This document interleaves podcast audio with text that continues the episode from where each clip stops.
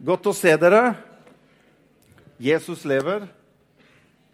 Eh, når, jeg tenker på det med, når jeg tenker på det som vi synger i sånne tekster, og noen ganger så kan tekster bli veldig hva skal vi si, de kan bli veldig utfordrende. De kan bli veldig, de kan bli veldig eh, langt fra noen ganger det som du og jeg kanskje erfarer eller opplever. eller har, har, har Vi har noen ganger vanskelig til å forholde oss til noen av disse tekstene. at mange ganger så, så opplever man kanskje at de tekstene de, de, de, de stemmer ikke overens med hvordan jeg, hvordan jeg, har det, hvordan jeg opplever hvordan jeg føler det nå. Og så kommer denne konflikten. ja, Hva skal jeg gjøre med disse tekstene? Skal jeg henge meg på teksten, eller skal jeg tenke som så at nei, men min, min, min nåværende situasjon er ikke sånn som teksten? Og da, da, tenker jeg at nei, da blir jeg heller passiv i forhold til og sånt noe. Det, jeg vet ikke om noen av dere kjenner dere igjen? Nei, det var ingen som, absolutt ingen som kjente seg igjen. Jeg kjenner meg jo igjen i det. Men jeg tror noen ganger at det fins noen prinsipper her.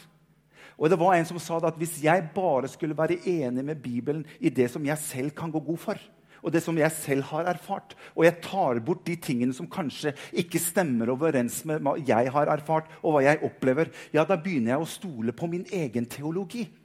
Da trenger jeg på en måte ikke å stole på Gud lenger. Skjønner du hva jeg mener? Derfor så er hele Guds ord det er veldig, veldig viktig at vi tør å forholde oss til og kunne stole på Guds ord. At Guds ord det er ment for å gjøre noe i livene våre, i omstendighetene våre. Og det er noe med når Jesus var på båten når de kjørte over den der, var det Genesaretsjøen, og det begynte å blåse, og det ble litt storm og det ble litt vanskelig, og båten begynte å gynge. Men selveste Jesus han lå bare nede i båten der og sov. Du kan ikke sove nå, Jesus. Ser du ikke, det, hvordan, hvor, hvor, ser du ikke situasjonen? Han ligger der nede og sover. Og det er som Jesus sier, at én ting er at det stormer på utsiden av oss. Så lenge ikke jeg tar vann inn, så vil jeg holde meg flytende. Men det er når omstendighetene våre begynner å trenge inn i oss, at det begynner å få en konsekvens, og at ting begynner å synke når vi lar det som påvirker oss fra utsiden, trenge inni oss. Og våre sinn og våre tanker begynner å dra inn noe av det som stormer på utsiden. For hør, du og jeg kan ikke alltid bestemme oss for hva som skal møte oss på vår vei. Men jeg tror du og jeg kan være med på å bestemme hva som skal trenge inn i vårt hjerte og i vårt sinn og i våre tanker. Det kan vi være med på. Amen. Og det er der Guds ord kommer inn, som er så viktig at du og jeg at vi greier å holde fast på Guds ord. Herre, det er ikke sånn som jeg opplever det akkurat nå, men jeg ønsker ikke at frykten skal få lov til å trenge inn i meg. Jeg ønsker å være i denne båten sammen med deg, Jesus. Og kan du sove? Ja, hjelp meg, Herre, til å sove litt da når det, når det stormer. Vi, vi, sang jo til og med, Den er jo ganske radikal. Du, kan, jeg, kan jeg få litt mindre av meg i monitor? Jeg tror ikke jeg trenger noen monitor på meg i det hele tatt. Vi, vi, sang en ganske radikal sang når vi gikk på søndagsskolen. Jeg vet ikke om de synger den lenger, men vi sang den der Med Jesus i båten kan vi Ja, den er ganske radikal. Den er veldig radikal, og den sang vi vi skjønte jo ikke akkurat så veldig. Vi hadde ikke hatt så veldig mange stormer enda. Men vi sang den med 'Jesus i båten'. Kan vi le midt i stormen? Le midt i stormen, le midt i stormen. Og søndagsskolelæreren tenker ja da, du får jo bare vokse til i gutten min, og jenta mi, så skal vi også se om du kommer til å le midt i stormen når det går noen år. Men samtidig så er det en sannhet i det. Det er at når jeg har Jesus i hjertet, når jeg har Jesus i livet mitt, da står det at om jeg går gjennom dødsskyggens dal, så frykter jeg ikke for noe vondt. For han er med meg. Hans kjepp og hans stav de trøster meg. Det er noe i fellesskapet med Jesus som jeg tenker er jo en kjempebonus å ha med seg i livet mens vi er her nede på jorden. Ja, jeg ville ikke vært foruten det. Det var Noen som kom til meg og spurte er det noen fordel Morten, å være kristen. Absolutt! Det er mange fordeler av å være kristen. Det er bonuser, og det er fordeler, og det er, det, det er velsignelse. Det er massevis av fordeler. Og en av de fordelene er at Jesus sa at 'jeg skal være med dere hver eneste dag inntil verdens ende'. Og om jeg går gjennom dødsskyggens dal, så skjønner du, jeg er på vei igjennom. Jeg skal ut på den andre siden. Jeg har ikke tenkt å bli værende her. Jeg skal ut på andre siden, for han er med meg. Og jeg har en tiltro til at uansett hva jeg møter på min vei, så er han som er sterkere enn meg. Jeg holder han i hånda, og han leder meg igjennom det som er tungt, det som er vanskelig. Og jeg kan komme ut på andre siden og kjenne han var med meg. Det jeg ikke greide i egen kraft, det greide jeg i hans kraft. Og Det er derfor Paulus sier at når jeg er svak, da er jeg sterk. Hvordan kan han si noe sånt? når det hele tatt? For han vet at det finnes en annen styrke som er utover min egen styrke. Og når min styrke går tom, så kan jeg få lov til å komme og, henge meg på en styrke som er utover min styrke. Derfor kan han si at når jeg er svak, så er jeg fremdeles sterk. For han som er i meg, han er større og sterkere enn han som er i verden. Dette er bra preaching. Dette, her, jeg, dette, hadde jeg ikke tenkt å si. det. Jeg har bare lyst til å dele dette med dere. Fra, fra, jeg bare kjenner at det er noen her som dette her er til. Du skal vite det at Herren er med deg. Han er med deg, han ser deg, han vet om deg. Men ikke la det slippe inn i båten. Hold det på utsiden. Og hør, det er i det fellesskapet at vi noen ganger trenger andre mennesker rundt oss som kan hjelpe oss. Vi begynner å merke at nå, nå, nå, nå, greier ikke jeg helt å bære dette alene, så er det styrken i fellesskapet som gjør at vi er skyldige til å være med å bære den svake, sier Bibelen. Og for et fellesskap det er! Når jeg kan få lov til å være ærlig med meg selv, hvordan jeg har det, men jeg kan få lov til å oppleve at jeg har mennesker rundt meg som er med og løfter meg opp, holder meg oppe. Er ikke, er, hvis ikke det er bonus, så vet ikke jeg. Det er kjempebonus. Amen. Derfor er det godt å se dere. Har dere det bra? Bra. Ja, ikke på utsiden, men inni her, inni her er det bra. Hæ? Fantastisk. Jeg skal dele noe med dere. Det har vært lang sommerferie. Og som Rune sa, så Anette og jeg vi har vært på crusade in the United State of Uniten. Og vi, vi, vi, trives jo å kjøre litt rundt der. Vi, leier oss en bil, og så kjører vi. Ikke på måfå, det er litt sånn planlagt, men vi har vært tre uker sammen i USA. Og vi har kjørt rundt med bil, og vi har kosa oss skikkelig. altså. Og Vi har vært innom kirker og besøkt kirker, og vi har vært på en konferanse. Og vi har opplevd veldig veldig bra Jeg kan ikke være, jeg må ha inni meg kirke på en søndag. altså. Ellers blir jeg, jeg som pastor jeg blir jo nervøs. jeg vet du. Klokka blir 11 på en søndag. jeg bare, Hva gjør vi nå, liksom? Så da er det like greit å få komme seg til ei kirke i nærheten og så bare liksom være på gudstjeneste. Men vi har kost oss skikkelig. Og vi har vært på en konferanse i sommer med 4300 andre pastorer og ledere i denne konferansen. Eh, vi bestilte flybillett først, for vi tenkte at vi, kan, vi trenger ikke å, å, å liksom stresse det med å, å, melde seg på konferansen.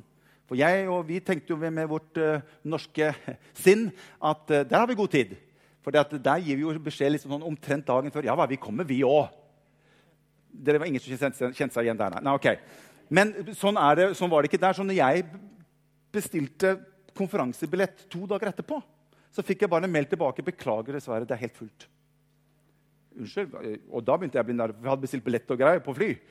Eh, hei, eh, vi er pastor fra Norge, langt unna. Vi har allerede bestilt eh, billett. og er det noen måte, på en måte, eller sånn Fins det noen sånn inngang bak der hvor vi kan komme inn? Beklager, det er helt fullt.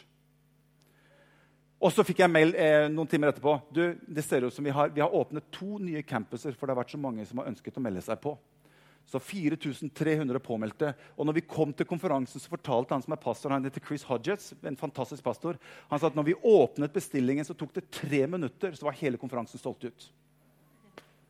Og da tenkte jeg OK, her er det noen folk som er på. Og jeg tenker jo meg sjøl at jeg er ganske på. Men her, her, er det folk som er på.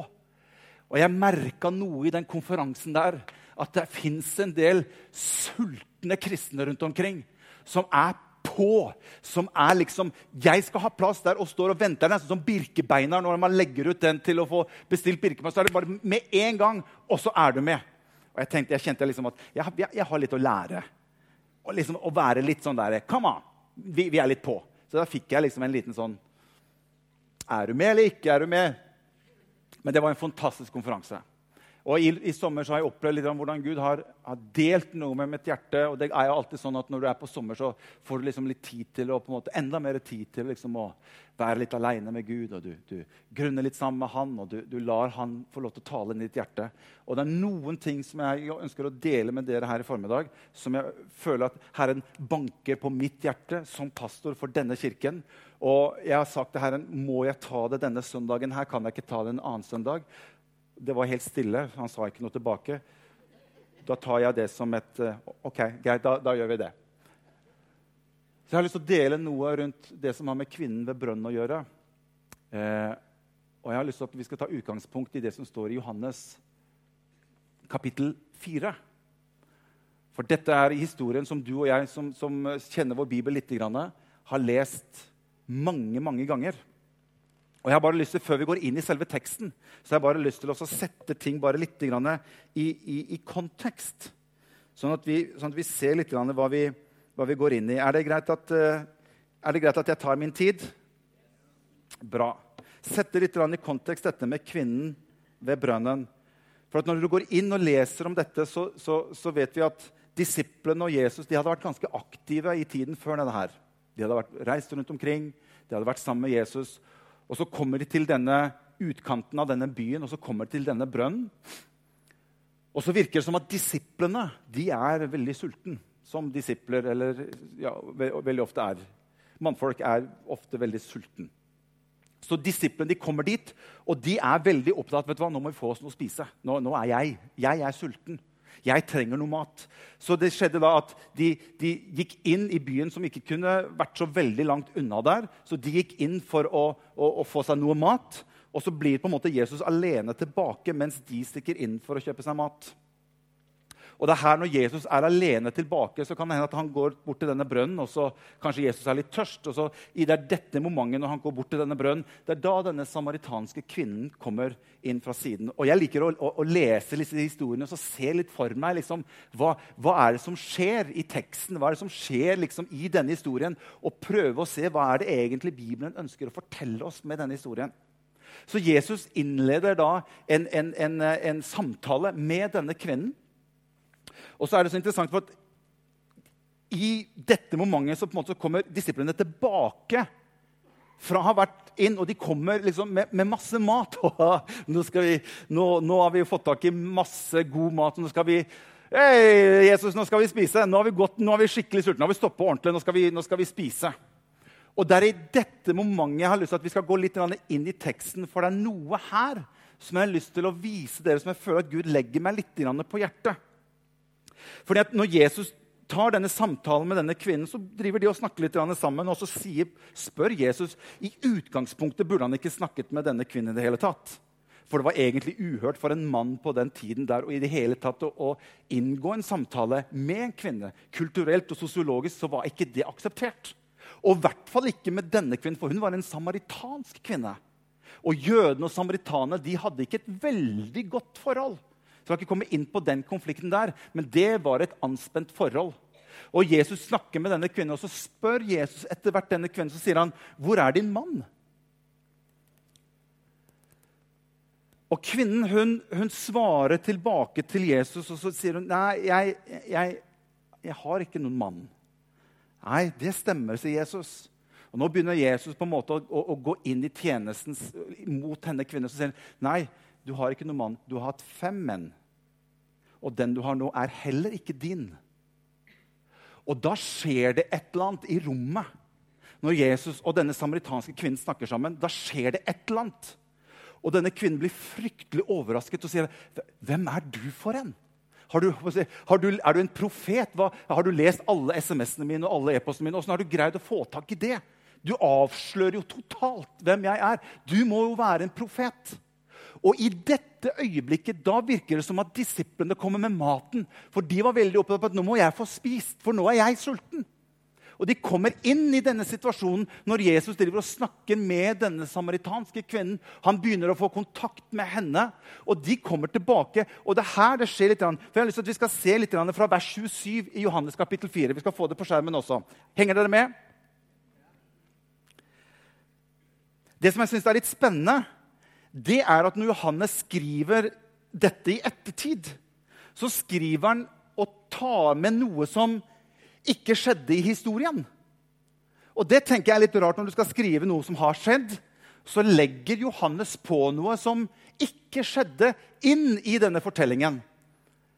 Og det virker som at Når Johannes sitter og skriver dette i ettertid, han får litt sånn retroperspektiv på hele, alt det som skjedde, så virker det som at han tar med seg noe her som er inspirert av Den hellige ånd, og som skal være med. For jeg tror alt som står i Skriften, er inspirert av Den hellige ånd, og det skal være der. Og jeg tror hvert ord har noe å si til deg og meg. For han skriver her, Se hva som står.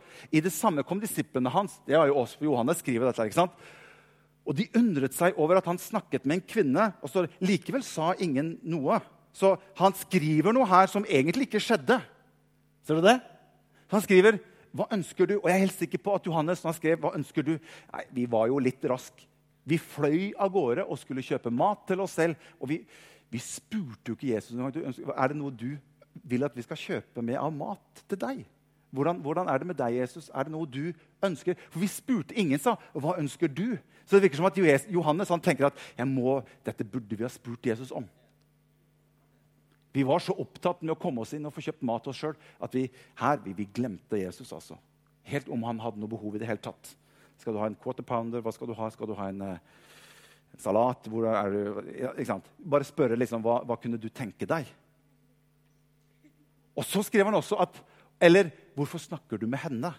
Det tenkte de. det skjedde ikke, Ingen sa noe. Men Johannes skriver dette her. Og det syns jeg er litt interessant at han tar med. Og så står det i vers 28, og det er i dette momentet her disiplene kommer tilbake med bager med mat. Jesus står og snakker med denne kvinnen og har gitt henne noe som gjør at hun er i undring over hvem denne mannen er. Og så står det videre i vers 28. Så lot kvinnen vannkrukken sin stå igjen og gikk inn i byen. Så disiplene kom her. Hei, Jesus, nå skal vi spise. Og så ser de den damen sette fra seg vannkrukken, og så går hun. Jeg vet ikke hva disiplene tenkte da. Hva, hva skjedde her? Er hun blitt fornærma? Hva, hva, hva, ble sagt her? Dette her er ikke helt sånn De fikk ikke med seg hva som skjer.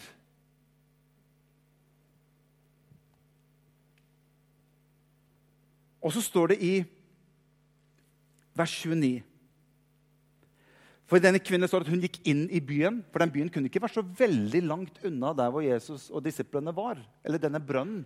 For det står at hun gikk inn. De trodde kanskje at hun hadde vært fornærma eller bare gikk fra vannkrukken sin. og var helt, dette ville jeg ikke ha noe med å gjøre. Men det som skjedde var at hun gikk inn i byen. Og så ropte hun inn kanskje på torget rett inn i byen. Så roper hun ut 'Kom!' og se et menneske som fortalte meg alt jeg har gjort. Så hun begynner å vitne om hva hun hadde opplevd i det øyeblikket hvor disiplene på en måte kommer tilbake til Jesus. Fortalte meg alt de har gjort. Kan han være Kristus? Er det mulig at denne mannen som jeg har møtt, kan det være at han er Messias? Det var det hun var opptatt med. Og så sier hun, så gikk de ut av byen og kom til han. Så hun gikk inn og fortalte hva hun hadde opplevd. Er det mulig at han her er frelseren? Er det mulig at han her er Messias? Er det mulig at han er Kristus? Dere må komme Dere må komme og, og, oppleve og se. Dere må komme og høre. Dere må komme og møte denne mannen som jeg har møtt. Og Det skjer jo da akkurat i det momentet hvor gutta kommer med mat, og de vil spise. For de hadde, var veldig opptatt med sine egne mager akkurat i dette øyeblikket. Og her kommer på en måte hun jeg ser for meg liksom, hun kommer rundt hjørnet. Ja, kom, Her er han! Her er han! Hei, Jesus! Ja, kom! Kom her! Og det, Se for deg at det kommer rundt sånt, kanskje 50-100 mennesker som kommer med henne inn. Og disiplene de er midt oppe i situasjonen. De catcher ikke hva egentlig som skjer. For de er mer opptatt av sin egen mage og få spist til eget behov. Og de ser ikke hva som er i ferd med å skje. Det går dem rett forbi. Og alltid ser du hvordan Jesus bruker sånne situasjoner til å prøve å vise og lære disiplene noe når de er oppi dette. Og da står det, der står det eh, ja, det står jo videre, i, mellomtiden vi får ta neste, i mellomtiden ba disiplene ham og sa Rabbi, du må spise. Nå har vi kjøpt mat til Jesus. Jesus, Nå må du, flott, nå må du få spist litt. Vi, vi, er sultne, alle sammen. Du er også sulten, Jesus. Vi må få spist litt. Og så, og så står det i neste vers, i vers 32 Og her begynner det å oppstå en eller annen slags mismatch mellom der Jesus er, og der disiplene er, og det er denne kvinnen som har tatt med seg alle disse menneskene fra byen. Her begynner det å bli usynkronisert. Disiplene catcher ikke hva er i ferd med å skje. De er opptatt med mat. Og De greier ikke helt å se hva som skjer. 'Jesus, du må få spist.' Og Så sier Jesus noe tilbake til dem. 'Jeg har mat å ete.' Jeg pleier å si 'spise'. Ja, da. Jeg vet ikke, men noen som bruker ordet 'ete'. 'Jeg har mat å spise som dere ikke kjenner', sier plutselig Jesus til disiplene. Oppi denne situasjonen, Da er hele gjengen fra byen. Disiplene er der, de er veldig sultne og vil spise, og de ønsker at Jesus skal spise. Og så bruker, Vi skjønner jo, du og jeg, vi skjønner jo hva Jesus mener med dette. Vi tenker liksom sånn at Jesus sier at det er viktig at vi spiser og at vi ser til oss selv. Det er viktig det også. Men det her er det noe som er enda viktigere. Det er at vi begynner nå å få fortalt denne, denne, denne gjengen som har kommet hit, at vi begynner å, å, å vitne sammen med de og fortelle om hvem jeg er. Det er viktigere. Og så sier Jesus at 'jeg har mat å ete som dere ikke kjenner'. Det er som at Jesus sier til disiplene at skjønner, det fins en annen type mat også, som er utover bare det å sørge for seg selv. og være oppmerksom mot seg selv. Og det å være oppmerksom på at 'jeg er sulten, jeg vil ha mat'. Og så plutselig så glemmer vi det som er på utsiden av oss selv. Og Jesus bruker dette bildet midt oppi denne situasjonen her for å prøve å lære disiplene noe. Og det er dette her som jeg kjenner at Gud har lagt litt på meg i sommer. Morten. Hvor opptatt er vi med egen mage i forhold til det som er på utsiden av oss selv? Hvor, hvor, hvor, opptatt er vi av mitt eget liv, min egen uke, min egen familie, mitt, mitt, mitt, mitt? Ikke at det i seg selv er galt. Men det kan bli galt hvis vi mister det som Jesus prøver å forklare disiplene her. Og han sier det fins en annen mat også som er viktig for dere å få med dere, slik at ikke vi ikke mister perspektiv på det vi egentlig er kalt til, disipler. er det det Jesus sier. Og han bruker denne situasjonen her til å prøve å vise det. Henger du med? Dytt bort til naboen og si at nå må du få opp øya dine. Nå kan du ikke sove lenger. Opp med øya. For det som, er, det som er litt rart, for Vi skjønner jo egentlig hva Jesus mener her ikke sant, med denne maten. Og så ser du hva som står i neste vers, i vers 33.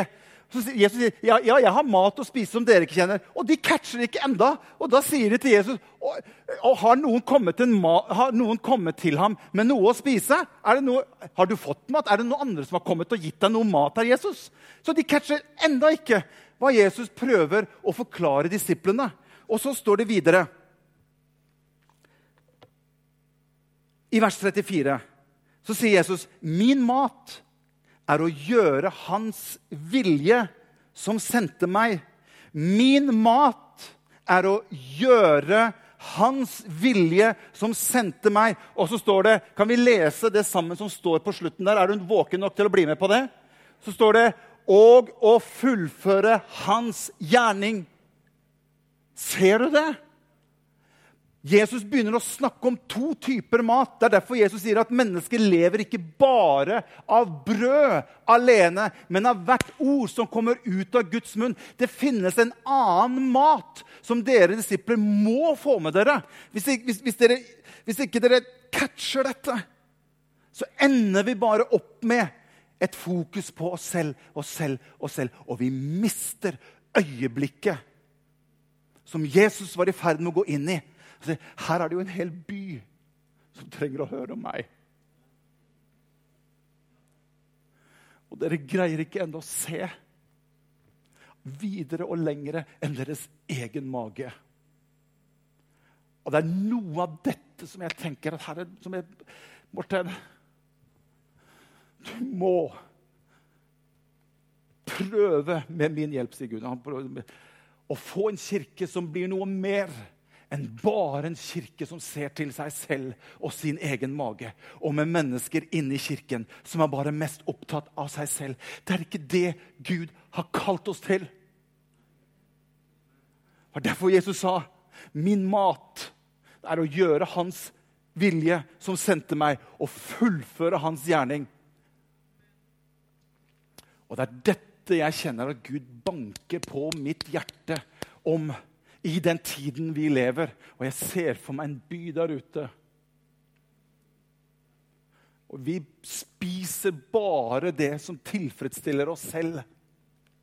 Når byen der spør seg er dette Messias, eller er han en annen Er dette en vi kan tro på? Og disiplene får det ikke med seg. Har det noen andre som har vært og gitt De catcher ikke øyeblikket. Det er som Jesus sier, at 'jeg er også sulten', disipler. Men vi har en jobb å gjøre. Og Så sier Jesus noe. Kan du gi meg noen få minutter til?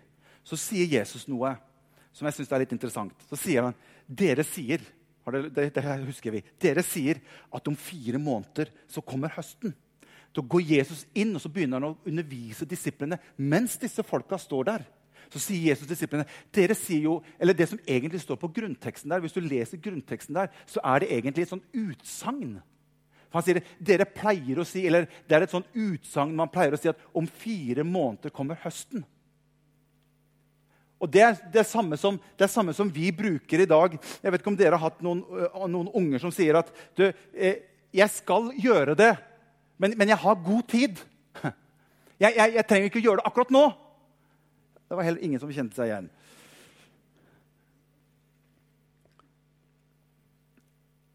Det er, det er, det er standard hjemme hos oss.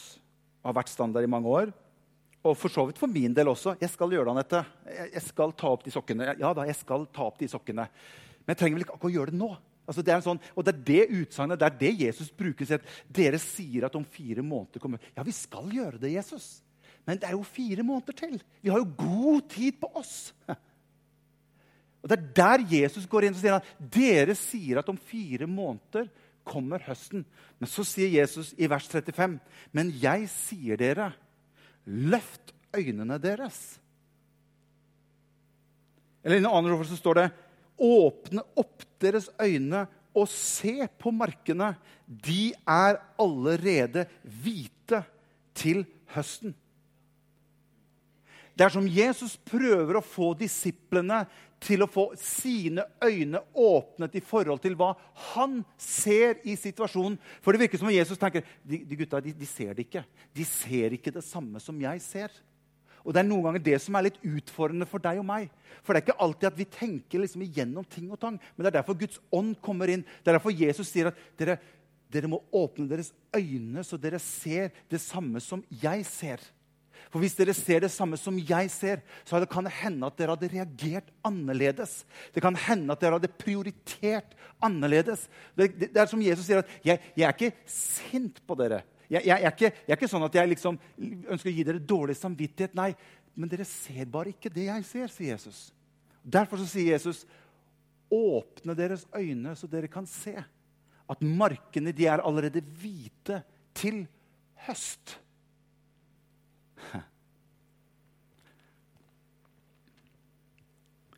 Jeg, eh,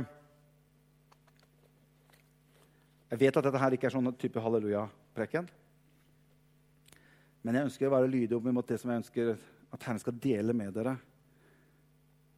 I, i 2. Peter-brev, kapittel 1, så snakker Peter om dette med å være nærsynt. Og han snakker om dette med å være nærsynt som en troende. Og konsekvensen av det å være nærsynt, sier Peter, det er at man blir uvirksom og ufruktbar. Eh, jeg, jeg har fått meg briller i, i sommer. Jeg har uh, lenge vært i en såkalt denial period. På norsk betyr det at det altså, du fornekter det som egentlig er sakens egentlige tilstand. Og eh, er, har, Nå har jeg på en måte hatt den, jeg har skifta iPhone, til, og jeg vil ta Gud for at det ble større og større. Når jeg ser på de første iPhone som kom ut det, altså, det jo, Du ser jo nesten ikke i, de appene på, på skjermen engang. Heldigvis så kom Gud med større iPhoner. Så nå er den største på en 8 pluss. eller noe sånt nå, Og jeg har jo kjørt det og vært der og vært med i tiden og med skriftstørrelse på maks. Og det er særlig på morgenen når jeg våkner på morgenen. Sikkert noen som kjenner seg igjen. Og jeg da åpner min store iPhone pluss, og enda så sliter du med med å, å, i det hele tatt lese hva som står på den skjermen. Og så sier han dette. Kan ikke bare prøve en gang? Jeg skal ikke prøve noen sånne der brillegreier. Jeg skal ikke ha Jeg har bra syn. Ja, Men du sitter jo der og myser på den telefonen din. Prøv, da, i hvert fall. Og jeg tok på meg, En morgen så tok jeg på meg noen briller, og så så jeg på og så sa jeg, Oi.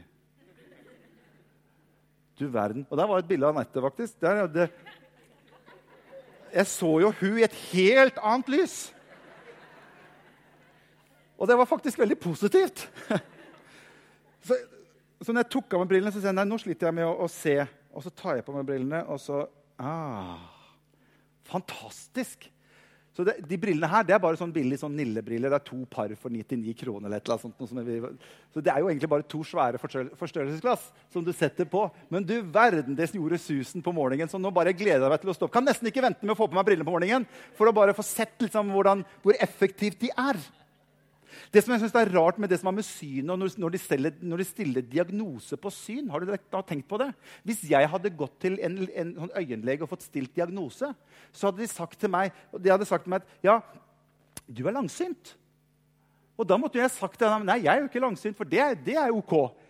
Altså, jeg, jeg, ser det som er på lengde av meg. Det er helt klart, Jeg er jo ikke langsynt. Altså, De stiller diagnosen din etter det du er god til. Det er også samme som å komme inn til legen med en brukket arm og så får du tilbake Nei, foten din den er helt perfekt. den. Men det er rart med det. Men Paulus, nei, Peter han snakker om dette. I, i andre Peterbrev snakker om dette at vi kan bli nærsynt. Og når du er nærsynt, så blir de tingene som er nært, de blir veldig klart. Men de tingene som er på avstand, de mister vi fokus på. Og Han snakker til og med at det går an å bli så nærsynt at du blir blind. Og jeg tenker noen ganger at hvordan er det med livene våre? Jeg tenker på bønnene mine. Hvis jeg blir veldig nærsynt i mine bønner, vil det være sånn at hvis Gud hadde svart alle mine bønner, hadde verden rundt meg blitt forandret da? Eller hadde det bare vært meg og mitt og min nærmeste som hadde blitt forandret? Og Det er det som er å være nærsynt. Vi som kirke kan til slutt bli nærsynt. Vi blir bare opptatt av de, de tingene som er nære, men de ting som er på utsiden av oss, de legger vi nesten ikke merke til engang. Og Noen ganger så må det noen kraftfulle reklame på TV som virkelig viser nøden der ute, før du og jeg egentlig blir konfrontert, for vi ser det ikke i utgangspunktet. Og Det er dette Jesus prøver å lære disiplene sine. Å si at dere må ikke bli nærsynte. Det må ikke bare bli sånn at det er bare det som er mitt, som gjelder. Åpne deres øyne, sier Jesus og se ut og begynne å få det samme blikket som det jeg har. Det fins en døende by der ute med massevis av mennesker som egentlig trenger å høre om Jesus. Og det er du og jeg som kan gå med det evangeliet. Ja, jeg skal være og bli med deg til lunsj, sier Jesus. Jeg skal ta vare på deg. Men jeg, noen ganger så lurer jeg på om vi mener at Gud er så mye glad, mer glad i meg og mitt enn det han er i en døende verden på utsiden. Fokuset vårt trengs å gjøres noe med. I hvert fall i mitt liv. Vet ikke åssen det er med ditt liv. Er du nærsynt, eller er du langsynt? Det er bare Gud som kan gjøre dette. Og jeg merker at Gud taler i mitt hjerte. At Gud kommer til å sende en enda sterkere evangeliseringsånd inn i denne kirken. Jeg taler profetisk til deg. Du kommer til å begynne å merke hvordan Gud kommer til å legge en evangeliserende ånd. Og i den evangeliserende ånd så vil du og jeg begynne å kjenne på et hjerte som Gud har for mennesker og for byen på utsiden. Jeg må gå og snakke med folket, sier Jesus. Jeg må fortelle hvem jeg er. Dere kan få lov til å bli med meg i den oppgaven hvis du vil. For jeg trenger mennesker. For, for høsten er hvit, men noen ganger så er arbeiderne få. Og Jeg tenker i mitt hjerte, og jeg står innenfor Gud og sier, Gud, La Pinsekirken i Sandvika være en kirke som ikke er navlebeskuende, men som har evne til å kunne se på utsiden av seg selv og være noe mer for mennesker enn bare oss selv.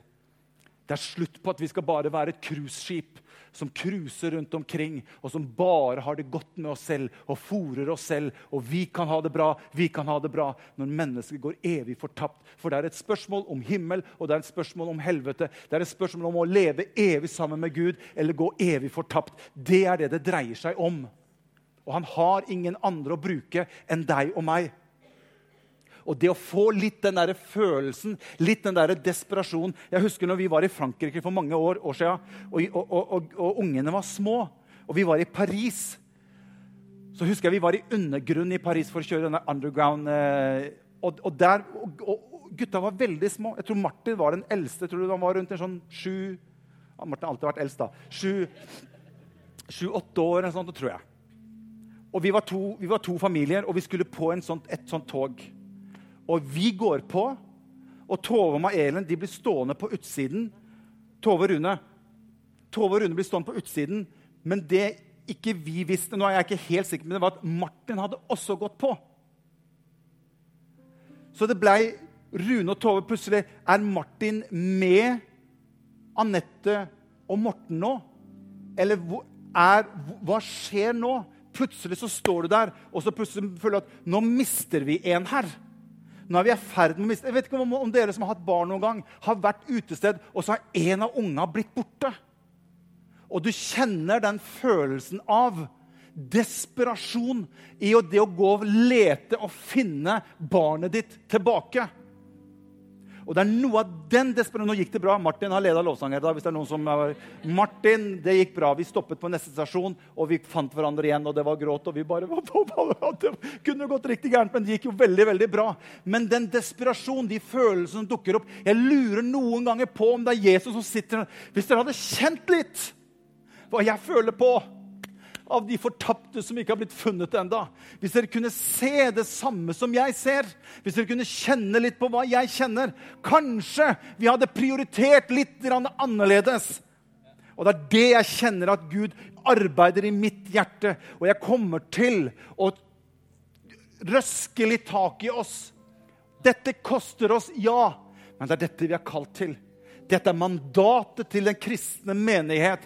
Det er å gå derfor ut i all verden og gjør alle mennesker til mine disipler. Det er dette vi er kalt til. Det er oppdraget vårt, dere. Jeg ønsker å invitere deg. Har du lyst til å være med? Har du lyst til å være med og redde den sønnen eller den datteren som har blitt borte, og som ønsker å bli funnet? Og Det er ingenting som er mer fantastisk når du ser sønnen din når han har gått og leita, og så får du sammenkomsten. Vi trodde jeg hadde mista deg, og så kommer det tilbake. Og så får du den gjenforeningen. Skal vi reise oss opp, alle sammen? Takk for at dere har hørt på hva jeg har lyst til å dele med dere.